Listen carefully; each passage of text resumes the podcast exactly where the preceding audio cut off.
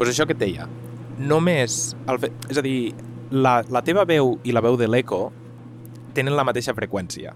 És a dir, per això és molt fàcil editar sons externs, com, és a dir, per exemple, un cotxe passant, perquè un cotxe passant probablement tingui una freqüència diferent a la de la teva veu. Ja. Però l'eco té la mateixa freqüència, simplement és una mica més aguda, una mica més greu.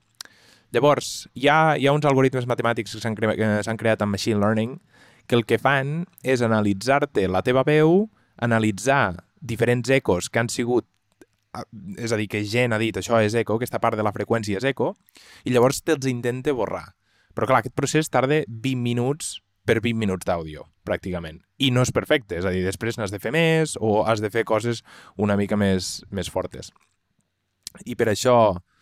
Uh, no, no sé d'on venia això, però aquest, aquest és una mica el procés i, i per això vull intentar minimitzar tot això, perquè no, perquè no calgui, no calgui estar-me 3 hores editant cada àudio. Però bé, què tal, Marc? Tio, Com estàs? És, és que és el que t'escrivia l'altre dia. És que m'encanta com que la gent obsessiva, quan s'obsessiona amb alguna cosa, després jo crec que es converteix com en més expert que una persona que ja era experta d'això, saps? O sigui, jo estic segur que hi ha enginyers d'àudio que no saben tant com tu de com, de com funciona com la, aquesta mecanística del so i aquestes les curves d'àudio i, tio, perquè al final és que, mira, de veritat, tio, he de fer com una disculpa pública, saps? Del... Només per, per la part de l'eco, perquè la meva habitació té una mica d'eco i ara no em puc moure aquí el Ramon està obsessionat i se'n va dormir cada dia a la una de, de, de la matinada i a mi em té molt preocupat perquè jo quan la gent se'n va dormir a l'hora de la matinada, tio, o sigui, se'm trenca el cor, vale? perquè fa, jo ja fa 3 hores que estic en un son molt profund i, i, tio, i, i es veu que l'eco és un tema difícil de treure, pel que, pel, pel que em diu el Ramon. Així que jo, jo m'ho crec, jo m'ho crec. No crec que estigui mirant Netflix a les 12 de la, de, de la matinada. ja t'ensenyaré. Hòstia, l'altre dia, bueno, l'altre dia la Laia m'envia un missatge a la una i mitja i em diu, perquè es va despertar i em diu, no m'ho puc creure. perquè estava aquí editant. A veure, no, i, i no és només tu. És a dir, jo vaig descobrir... O sigui, principalment és el micro. Aquest micro, el, el Blue Yeti, no sé quin fa servir tu en particular, però el Blue Yeti agafa la teva veu i tot el de l'habitació. És a dir, és un micro que ho agafa tot. Hi ha micros de condensació que tu te'ls fiques davant de la boca i no t'agafen res, només t'agafen la veu i són boníssims en filtrar la veu. Aquest, aquest, aquest és el pitjor micro amb tot això. És a dir, és un micro vertet, tal, que, que va molt bé, però no... És, és horrible. I llavors jo estava a l'altra habitació també, que tinc una mica d'eco, i bueno, se sentia allò com si estiguessis fent, una, mm, fent la missa de la Sagrada Família, m'entens? El, el, el 30 de desembre. Era, bueno, un escàndol. Però bé, entrem en tema o què? Sí, va. A veure si amb els coixins aquests que hem posat aquí solventem l'eco. Tio, tinc un setup aquí amb... que si el veiessis des de fora, tio, és com irrisori, però en fi, és igual. Sí, sí, sí. Uh, uh, molt ràpid, t'anava a dir, això és una part bona dels, dels podcasts, sobretot quan no, no has vist mai a la persona que fa el podcast, que penses, hòstia, no saps ni la cara que fa aquella persona, però no només ni la cara que fa, tampoc saps és a dir, jo avui no, no m'he dutxat, m'acabo de... Bueno, m'he despertat fa un parell d'hores, m'he ficat a editar àudio perquè avui tinc festa. I, clar, per tot això tu com a, com a persona que ho escoltes no ho saps. Tu et penses que estàs al mig de la ràdio, al mig de la diagonal, fent, gravant el capítol i, i no, no, és, és una cosa molt d'anar per casa, normalment, un podcast. Sí, no, ja, ja se't veu ja que, que broteges una mica avui, tio.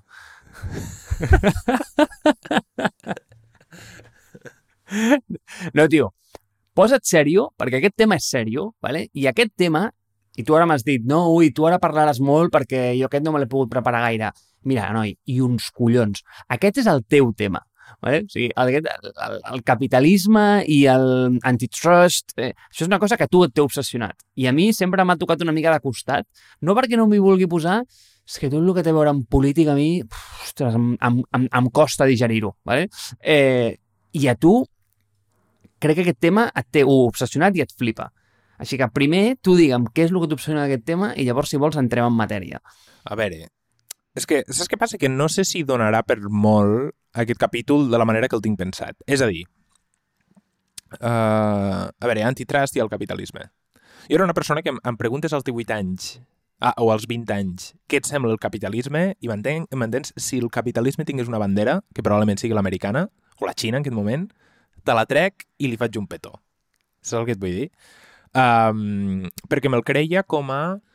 Hòstia, com, com, com la manera que la societat humana mm, o, o la millor manera perquè la societat humana pogués continuar la seva innovació. I part d'això, hòstia, ho veus uh, amb la tecnologia, veritat? És a dir, si tu tens l'incentiu de... Uh, per exemple, anem a ficar un, un cas concret, anem a ordenar aquesta conversa. Uh, el PXT, el PXT que se'n va al Mercabarna a les 4 del matí un, di, un dimarts perquè tu tinguis el peix que tu vols a la peixeteria a les 8 del matí o uh, la persona del restaurant que se'n va a comprar cafè al Cira per servir-te-la tu a les, 10 de, a les 10 del matí quan tu et vagis a fer el cafè del migdia. Tot això, tota aquesta cadena, aquesta gent, el peixeter, la, la persona del restaurant, no ho fan per amor a l'art. Eh, per amor a l'art. Ho fan perquè ells volen treure el benefici, un benefici econòmic, veritat? Llavors, aquest tema m'interessa molt perquè això penso que fa que la nostra vida sigui molt més fàcil i, a part, penso que fa que hi hagi molts advenços tecnològics, com he dit. Però l'altre dia estava pensant i estava mirant el, els casos eh, que s'estan donant als Estats Units, sobretot a molta gent demòcrata dels Estats Units que ha començat a dir hòstia, el que hauríem de fer amb, els, uh, amb les grans empreses és trencar-les per la meitat, separar-les, tal i com es va fer amb AT&T. I, I pensava, és interessant, no?, que, que estiguem moguts per una societat capitalística, però quan arribem a un cert punt i a un cert nivell de diners, com han arribat Facebook, Apple, Google, Amazon, etc., llavors el, el, els governs se'ns vulguin menjar. És a dir, el capitalisme com a sistema social eh, fa que tu o promocione que tu tinguis monopolis amb coses com patents, coses com innovacions, coses com avantatges depenent dels països, etc. Però quan tu et tornes el suficientment poderós, el govern i la societat capitalística et treu aquest poder i llavors et vol trencar. I això em sembla una... em sembla pràcticament com un oxímoron en si mateix. I això és el que em té preocupat. I això és el que volia parlar. És a dir, per què Apple, que és una empresa que el 1997 estava morta, Microsoft li va fer un investment que mm, realment ridícul, 150 milions, a més que va ser ridícul, però bueno, simbòlic, estava pràcticament morta, comença a patentar, patentar, patentar, inventar, innovar, inventar, innovar, creix i ara el govern dels Estats Units la vol trencar perquè diu que té una avantatge competitiva. Llavors, la pregunta essencial, i ara, i ara, i ara et passo la paraula, és 1. Quin és aquest canvi o quan es fa aquest canvi? 2. Uh, S'hauria de promocionar aquest canvi?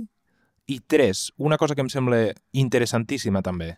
Quan l'únic incentiu de les empreses de les empreses aquestes, específicament, és donar tant poder o, bàsicament, maximitzar els beneficis i créixer com a empresa, quan aquesta és, és a dir, la màxima d'una empresa capitalística, i quan aquest és l'incentiu, penso que estàs incentivant també uh, actituds que no són necessàriament les millors. O no estàs incentivant la innovació de la manera correcta. I per això et passava l'altre dia aquell, aquell post de, de les stories, veritat, que eh, Snapchat crea stories, llavors Twitter les fica, Instagram també, etc.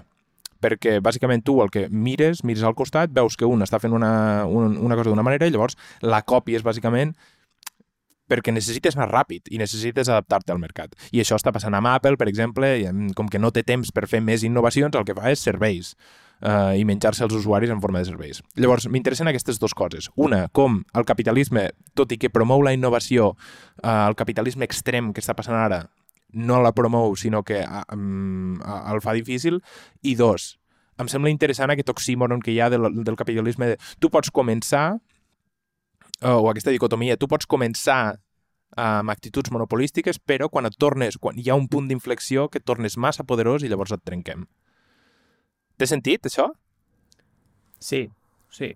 Per mi té molt sentit. El que passa és que aquest tema és superpolièdric i té molts angles per on els podries començar a desgranar. És a dir, anem per parts, anem per parts. Primer em parles de que el capitalisme és el sistema del que tu estaves enamorat quan tenies 18 anys, però d'alguna forma mm, veus com aquesta contradicció en si mateix de que t'estan dient, ei, sigues el millor, eh, l'incentiu és en créixer, l'incentiu és en... Tio, com... Al final, doncs, arribar en aquest Olimpo i quan estàs allà, llavors et trenquen, no? A veure, jo crec que aquí hi ha dues coses diferents. O sigui, una és els incentius que té el sistema i l'altra és la naturalesa de les companyies que crea. Vale? Llavors ara, doncs, si vols, tirem la màquina enrere uns anys enrere i ens anem a l'època de Standard Oil, eh, ens anem a l'època de, del, del Ford Model T, on veus que companyies que al final estaven controlant l'oferta, és a dir, infraestructura, distribució, s'integraven verticalment a un nivell que es feia eh, d'alguna manera impossible per altres competidors entrar i per compradors tenir elecció, tenies un problema. És a dir, quan la teva companyia de telèfons controlava les línies, controlava eh, tio, hasta els cables per on passaven les coses, tota la infraestructura, clar, el CAPEX que necessites per entrar allà és impossible. Llavors, si tu estàs controlant verticalment tot, tot el, eh, tota la cadena productiva, quin problema tens? Home, doncs tens que passen coses dolentes amb el consumidor, perquè el consumidor es veu lligat de mans, perquè no, literalment no té opció. És a dir, un, el consumidor no té opció, i dos, eh, no hi ha incentius perquè un altre competidor es pugui ficar en aquell mercat perquè literalment no és possible. Definició de llibre de monopoli. ¿vale? O sigui, en un monopoli, en el món real, on hi ha coses que es poden tocar, com si diguéssim, bàsicament es basa en que tu estàs controlant l'oferta.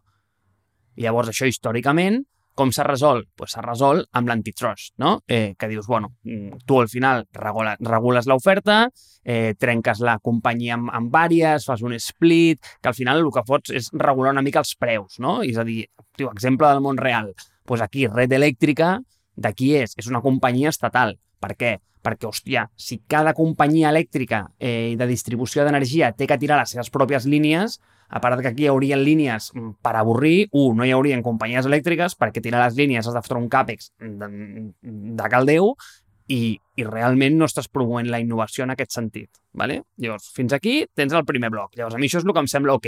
Escolta, si aquest sistema es perverteix fins a un nivell en el que tu eh, has arribat a un punt que no tens cap incentiu per millorar, bàsicament perquè et compraran igual si ho venc a 3 o ho venc a 20, perquè no tinc competència, eh, pues a veure, mm, crec que puc fer mal en el mercat, ¿vale? i estic en una posició en la que possiblement se'm té que regular. ¿vale? Ok, jo, jo, jo fins aquí ho puc entendre. El problema és que ara tens uns bitxos que són d'una naturalesa totalment diferents. Digue-li, i has posat tu perfectament els exemples. Has dit, has, fe, has, has, has tirat del mític fanga. Has dit Facebook, has dit Apple, has dit Google, no, no has dit Netflix, però bueno, que es pot dir, eh, has dit Amazon Llavors, què passa amb aquests bitxos nous? Pues que aquests bitxos mm, no tenen un monopoli a l'uso, perquè la definició de llibre de monopoli és que tu estàs controlant l'oferta a través de tio, la infraestructura, la distribució, el que tu vulguis. Aquests tios, o sigui, Googles, Facebooks de la vida, no, no estan controlant l'oferta. El que controlen és la demanda. O sigui, el que agreguen són els usuaris. I a sobre hi ha uns efectes de red, tio, acollonant. I al final ets tu lliurement que estàs elegint anant en allà. No és allò que dius, hòstia, no, jo, Ramon, tio, eh, ara tinc un, un pis nou i necessito una companyia energètica. Eh, clar, si només n'hi ha una, tu, tu no pots triar però tu ara ets lliure de triar si vols fer servir Google o vols fer servir DuckDuckGo. Mm, és allò que, tio, és el que eh, Google sempre diu en els casos aquelles, les declaracions aquestes d'antitrust, no? Diuen que, tio, que la competència està com un click away.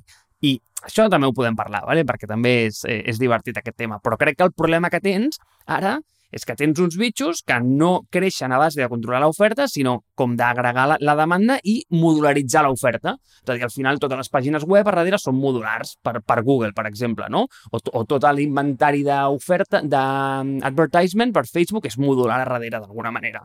I llavors, quin problema tens? Pues el problema tens és que antitrust és un mecanisme que el que fa és que regula l'oferta I en el moment que poses zeros a l'equació, és a dir, que quan posar noves eh, quan els costos de transacció són zeros, tio, aquest marc regulatori, o sigui, no, no funciona. O sigui, ja, ja no, no, tio, peta tot, perquè poses zeros a l'equació i allò, tio, doncs no, no, no, no, no va. I una, una cosa que, que m'agradaria afegir també és, ja no és això que dius tu de la tangibilitat de, de la cosa que tu toques, és a dir, per exemple, bueno, no entrarem, a Mèxic hi ha, hi ha un problema molt gran amb, amb la telefonia. La telefonia és un monopoli. Ja? És a dir, tot està controlat per al senyor Carlos Slim. Perfecte. Uh, el que és interessant, sense anar directament a, a ads de Facebook o de Google, per exemple, o anem al, anem al fet de que Facebook, tenint Instagram, WhatsApp i Telegram, o, perdó, Messenger, controla probablement, el, quan és el 60, 70, 80% de la missatgeria en aquest país? Pràcticament tot. A la Índia, pràcticament tot amb, amb WhatsApp. Llavors, aquest és realment el monopoli no? De, de, no, no només de missatgeria, sinó de xarxes socials també, o de Google. El 80, quan és el 80-90% de, les, de les busques a, a internet és de Google. Clar, llavors, el que Google diu és no només la competència està un click away, tot i que això és el mateix que diu Apple de sí, sí, sempre pots agafar i comprar-te un Android, penses, toca't els collons. Mm, vull dir, sempre podem anar caminant, no? Si hi hagués un monopoli de cotxe, però vull dir, no és això del que estem parlant.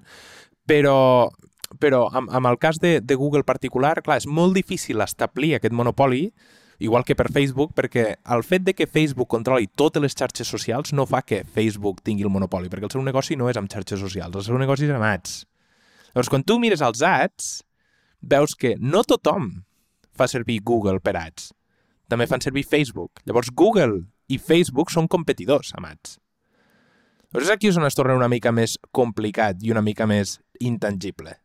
Sí, és que, clar, quan tu dius que està un click away, ja, yeah, és veritat. Però veus, això em lliga molt amb aquest capítol que volem fer, i, i mai fem, de, el de la gent és tonta. I clar, és el que et dic, la gent no és tonta, ¿vale? Tio, la, la gent no és tonta, i, tio, i la gent sap que fer servir Google, pues, pues és que és molt millor que no pas fer servir DuckDuckGo, perquè tu i jo som els únics retrasats mentals que fem servir DuckDuckGo en aquest planeta, ¿vale? Llavors, eh, clar, és molt fàcil dir que està un click away, no? Però clar, en realitat, mm, quin, quin problema tenen aquestes plataformes? pues que com que tenen zero costos de distribució, zero costos de transacció i a sobre costa zero posar com noves unitats addicionals, o sigui, replicar software és infinitament escalable, o sigui, és barat, no és com, tio, com posar trens a les vies, que al final, tio, comprar un tren i fabricar un tren pues, costava una pasta, no? Eh, sinó que al final, quan estàs lidiant amb béns digitals, tio, això, eh, això et, o sigui, et canvia la vida. O sigui, aquestes tres coses, el fet de que els costos de distribució siguin zero, els costos de transacció siguin zero i posar unitats addicionals al sistema costi zero, és el que fa que trenca l'equació de l'antitrust. Perquè eh, al final, antitrust el que regula són aquestes tres coses. Llavors, clar, quan tu... I, i, i com ho fa? Doncs, pues, tio, baixant els preus d'aquestes tres coses. Però, clar, quan el preu d'aquestes coses de per si ja és zero, t'explota el cap, no? Llavors, perfecte, en el que, en el que, en el que tu deies. Eh, què és el que passa? Que en aquest món digital, tio, aquests nous bitxos que tenim, què fan? Pues que la, la seva naturalesa és que tendeixen a ser monopolis. Tio, perquè no té cap sentit tenir-ne dos, no? I és el que tu dius, no? És que entre ells dos eh, controlen tota la demanda d'ats. Clar, doncs això, tio, econòmicament té un altre nom. I jo no sóc economista, però a sobre, o sigui, quan tu ets un monopoli, però a sobre només tens un comprador per una oferta modular, o sigui, quan només hi ha un comprador en aquell mercat, ja no ets un monopoli, ja ets com el puto següent nivell del monopoli, que és el, mon, bueno, no sé com es diu en espanyol, però és el monopsomi. Eh, que això és, ets un monopoli, però a sobre només hi ha un comprador per una oferta modular. I això li passa una mica, per exemple, a mi, i, i això és una cosa que ningú en parla, però li passa una mica a Amazon amb els llibres. Eh, crec que a, a dia d'avui la distribució dels e-books només, només, només, només passa a través de Kindle. I ara no tinc els números a sobre, eh? però és el cas d'un monopsomi de llibre, de llibre. Però, bueno, sí, mai millor dit, no? Però, però sí, estic totalment, totalment d'acord amb tu, i és que les eines que hi han ara per antitrust no estan adaptades pel tipus de, natu de, de companyies que estàs veient a dia d'avui. A part de que és, és una mica complicat, això que deies de- d'Amazon del, dels... Van ser ells, no?, els que van crear el format i van crear la Kindle i tot això, o, o qui, qui va crear aquest format? No, no, no, no, no, no. El format és el eh, Mobi i el EPUB, aquest de- de- d'e-books, això funciona per la seva banda, però els llibres Kindle tenen un format diferent, que em sembla que és .azdm o una cosa així. D'acord. És a dir, però, però tu com a creador del format, a mi em sembla bastant una, un, similar a la història d'Apple, no? És a dir, tu, creador de l'App Store i creador del dispositiu, eh, justifiques que tu tinguis el monopoli dins de la teva, de la teva empresa de venda d'aplicacions. Clar, aquesta és la cosa que... És a dir, ho, ho hauríem d'anar tallant. Llavors, jo, per deixar-ho obert per al pròxim dia, és... Marc, tu penses que haurien d'existir les patents? Vale. Et dono la resposta curta i això ho, ho, ho, ho toquem molt en el següent episodi perquè aquest tema m'encanta. Aquest tema m'encanta en tecnologia. És a dir, la resposta curta, i, i, i ja dic com a l'espoiler pel meu següent episodi, perquè això és del que parlaré. Vale? I és que, com en un món on ser el primer té tant valor, però tant, perquè realment quan ets el primer en un món d'aquests i, i creixes eh, en aquell vertical, tio, doncs ets, mm, ets li, literalment el rei i tens els exemples, no? Tens Google, tens Facebook, o sigui, gent que ha sigut com el primer que realment ha tingut com l'impacte fort aquest, eh, s'ha posicionat en una posició tan dominant que ha sigut impossible treure'ls ja. Eh, i, i, I sobre això també vull parlar, o sigui, quant de difícil et sembla a tu com treure aquestes plataformes d'on estan establertes a dia d'avui, no? Però jo crec que les patents en un lloc on ser el primer té tant valor no tenen sentit, ¿vale? però eh, en, parle en, en parlem la setmana vinent. Però un dels temes que, per exemple, mm, a mi em sembla com més rellevants és diu, quines coses s'haurien de posar de manifest per poder regular aquests nous mm, bitxos, d'alguna forma. Eh, als Estats Units i antitrust està molt focalitzat amb el preu, és a dir, eh, tio, al final ells tenen aquest mecanisme d'antitrust que al final és que regula eh, l'oferta, però això ja vist que aquí no funciona.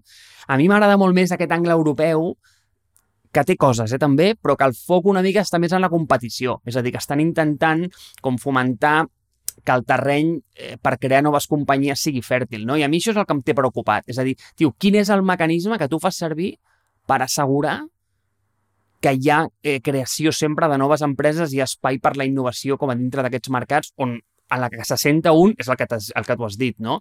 Quan, a la que tu tens com WhatsApp, Instagram, mm, Facebook, tio, estan ocupant tot l'espai publicitari de, del, del mercat. I, i, I és, mira, és que aquesta és una altra diferència que és super, que em sembla superinteressant. O sigui, el perill de les companyies digue-li, de ferrocarril, de petroli, el que sigui, és que s'integressin verticalment. Aquest era realment el perill que tenien. Però és que aquestes, això no és el perill. El perill és que s'integrin horitzontalment. Clar, clar, és que, és, que, és que al final, tio, no hi ha espai per un nou Facebook perquè a la que aixeques una mica del cap és que et compren, tio, és que no tens opció. Però bueno, tio, em sembla interessant. Sí, sí, sí. Bueno, i, i, i tocant amb això de- d'Europa també és com, com si, si tens un terreny fèrtil, com pots fer que hi hagi innovació sense necessàriament... És a dir, quin és el teu incentiu per tu innovar sense haver de copiar a, a les altres empreses? I tocant amb lo de les patents, jo no sé si és tan important ser el primer. Ja, ja ho parlarem la setmana que ve. Facebook no va ser la primera. L'Apple Watch no va ser el primer. L'iPhone tampoc va ser el primer. De, de fet, una cosa als show notes. Magnífica pel·lícula, o documental.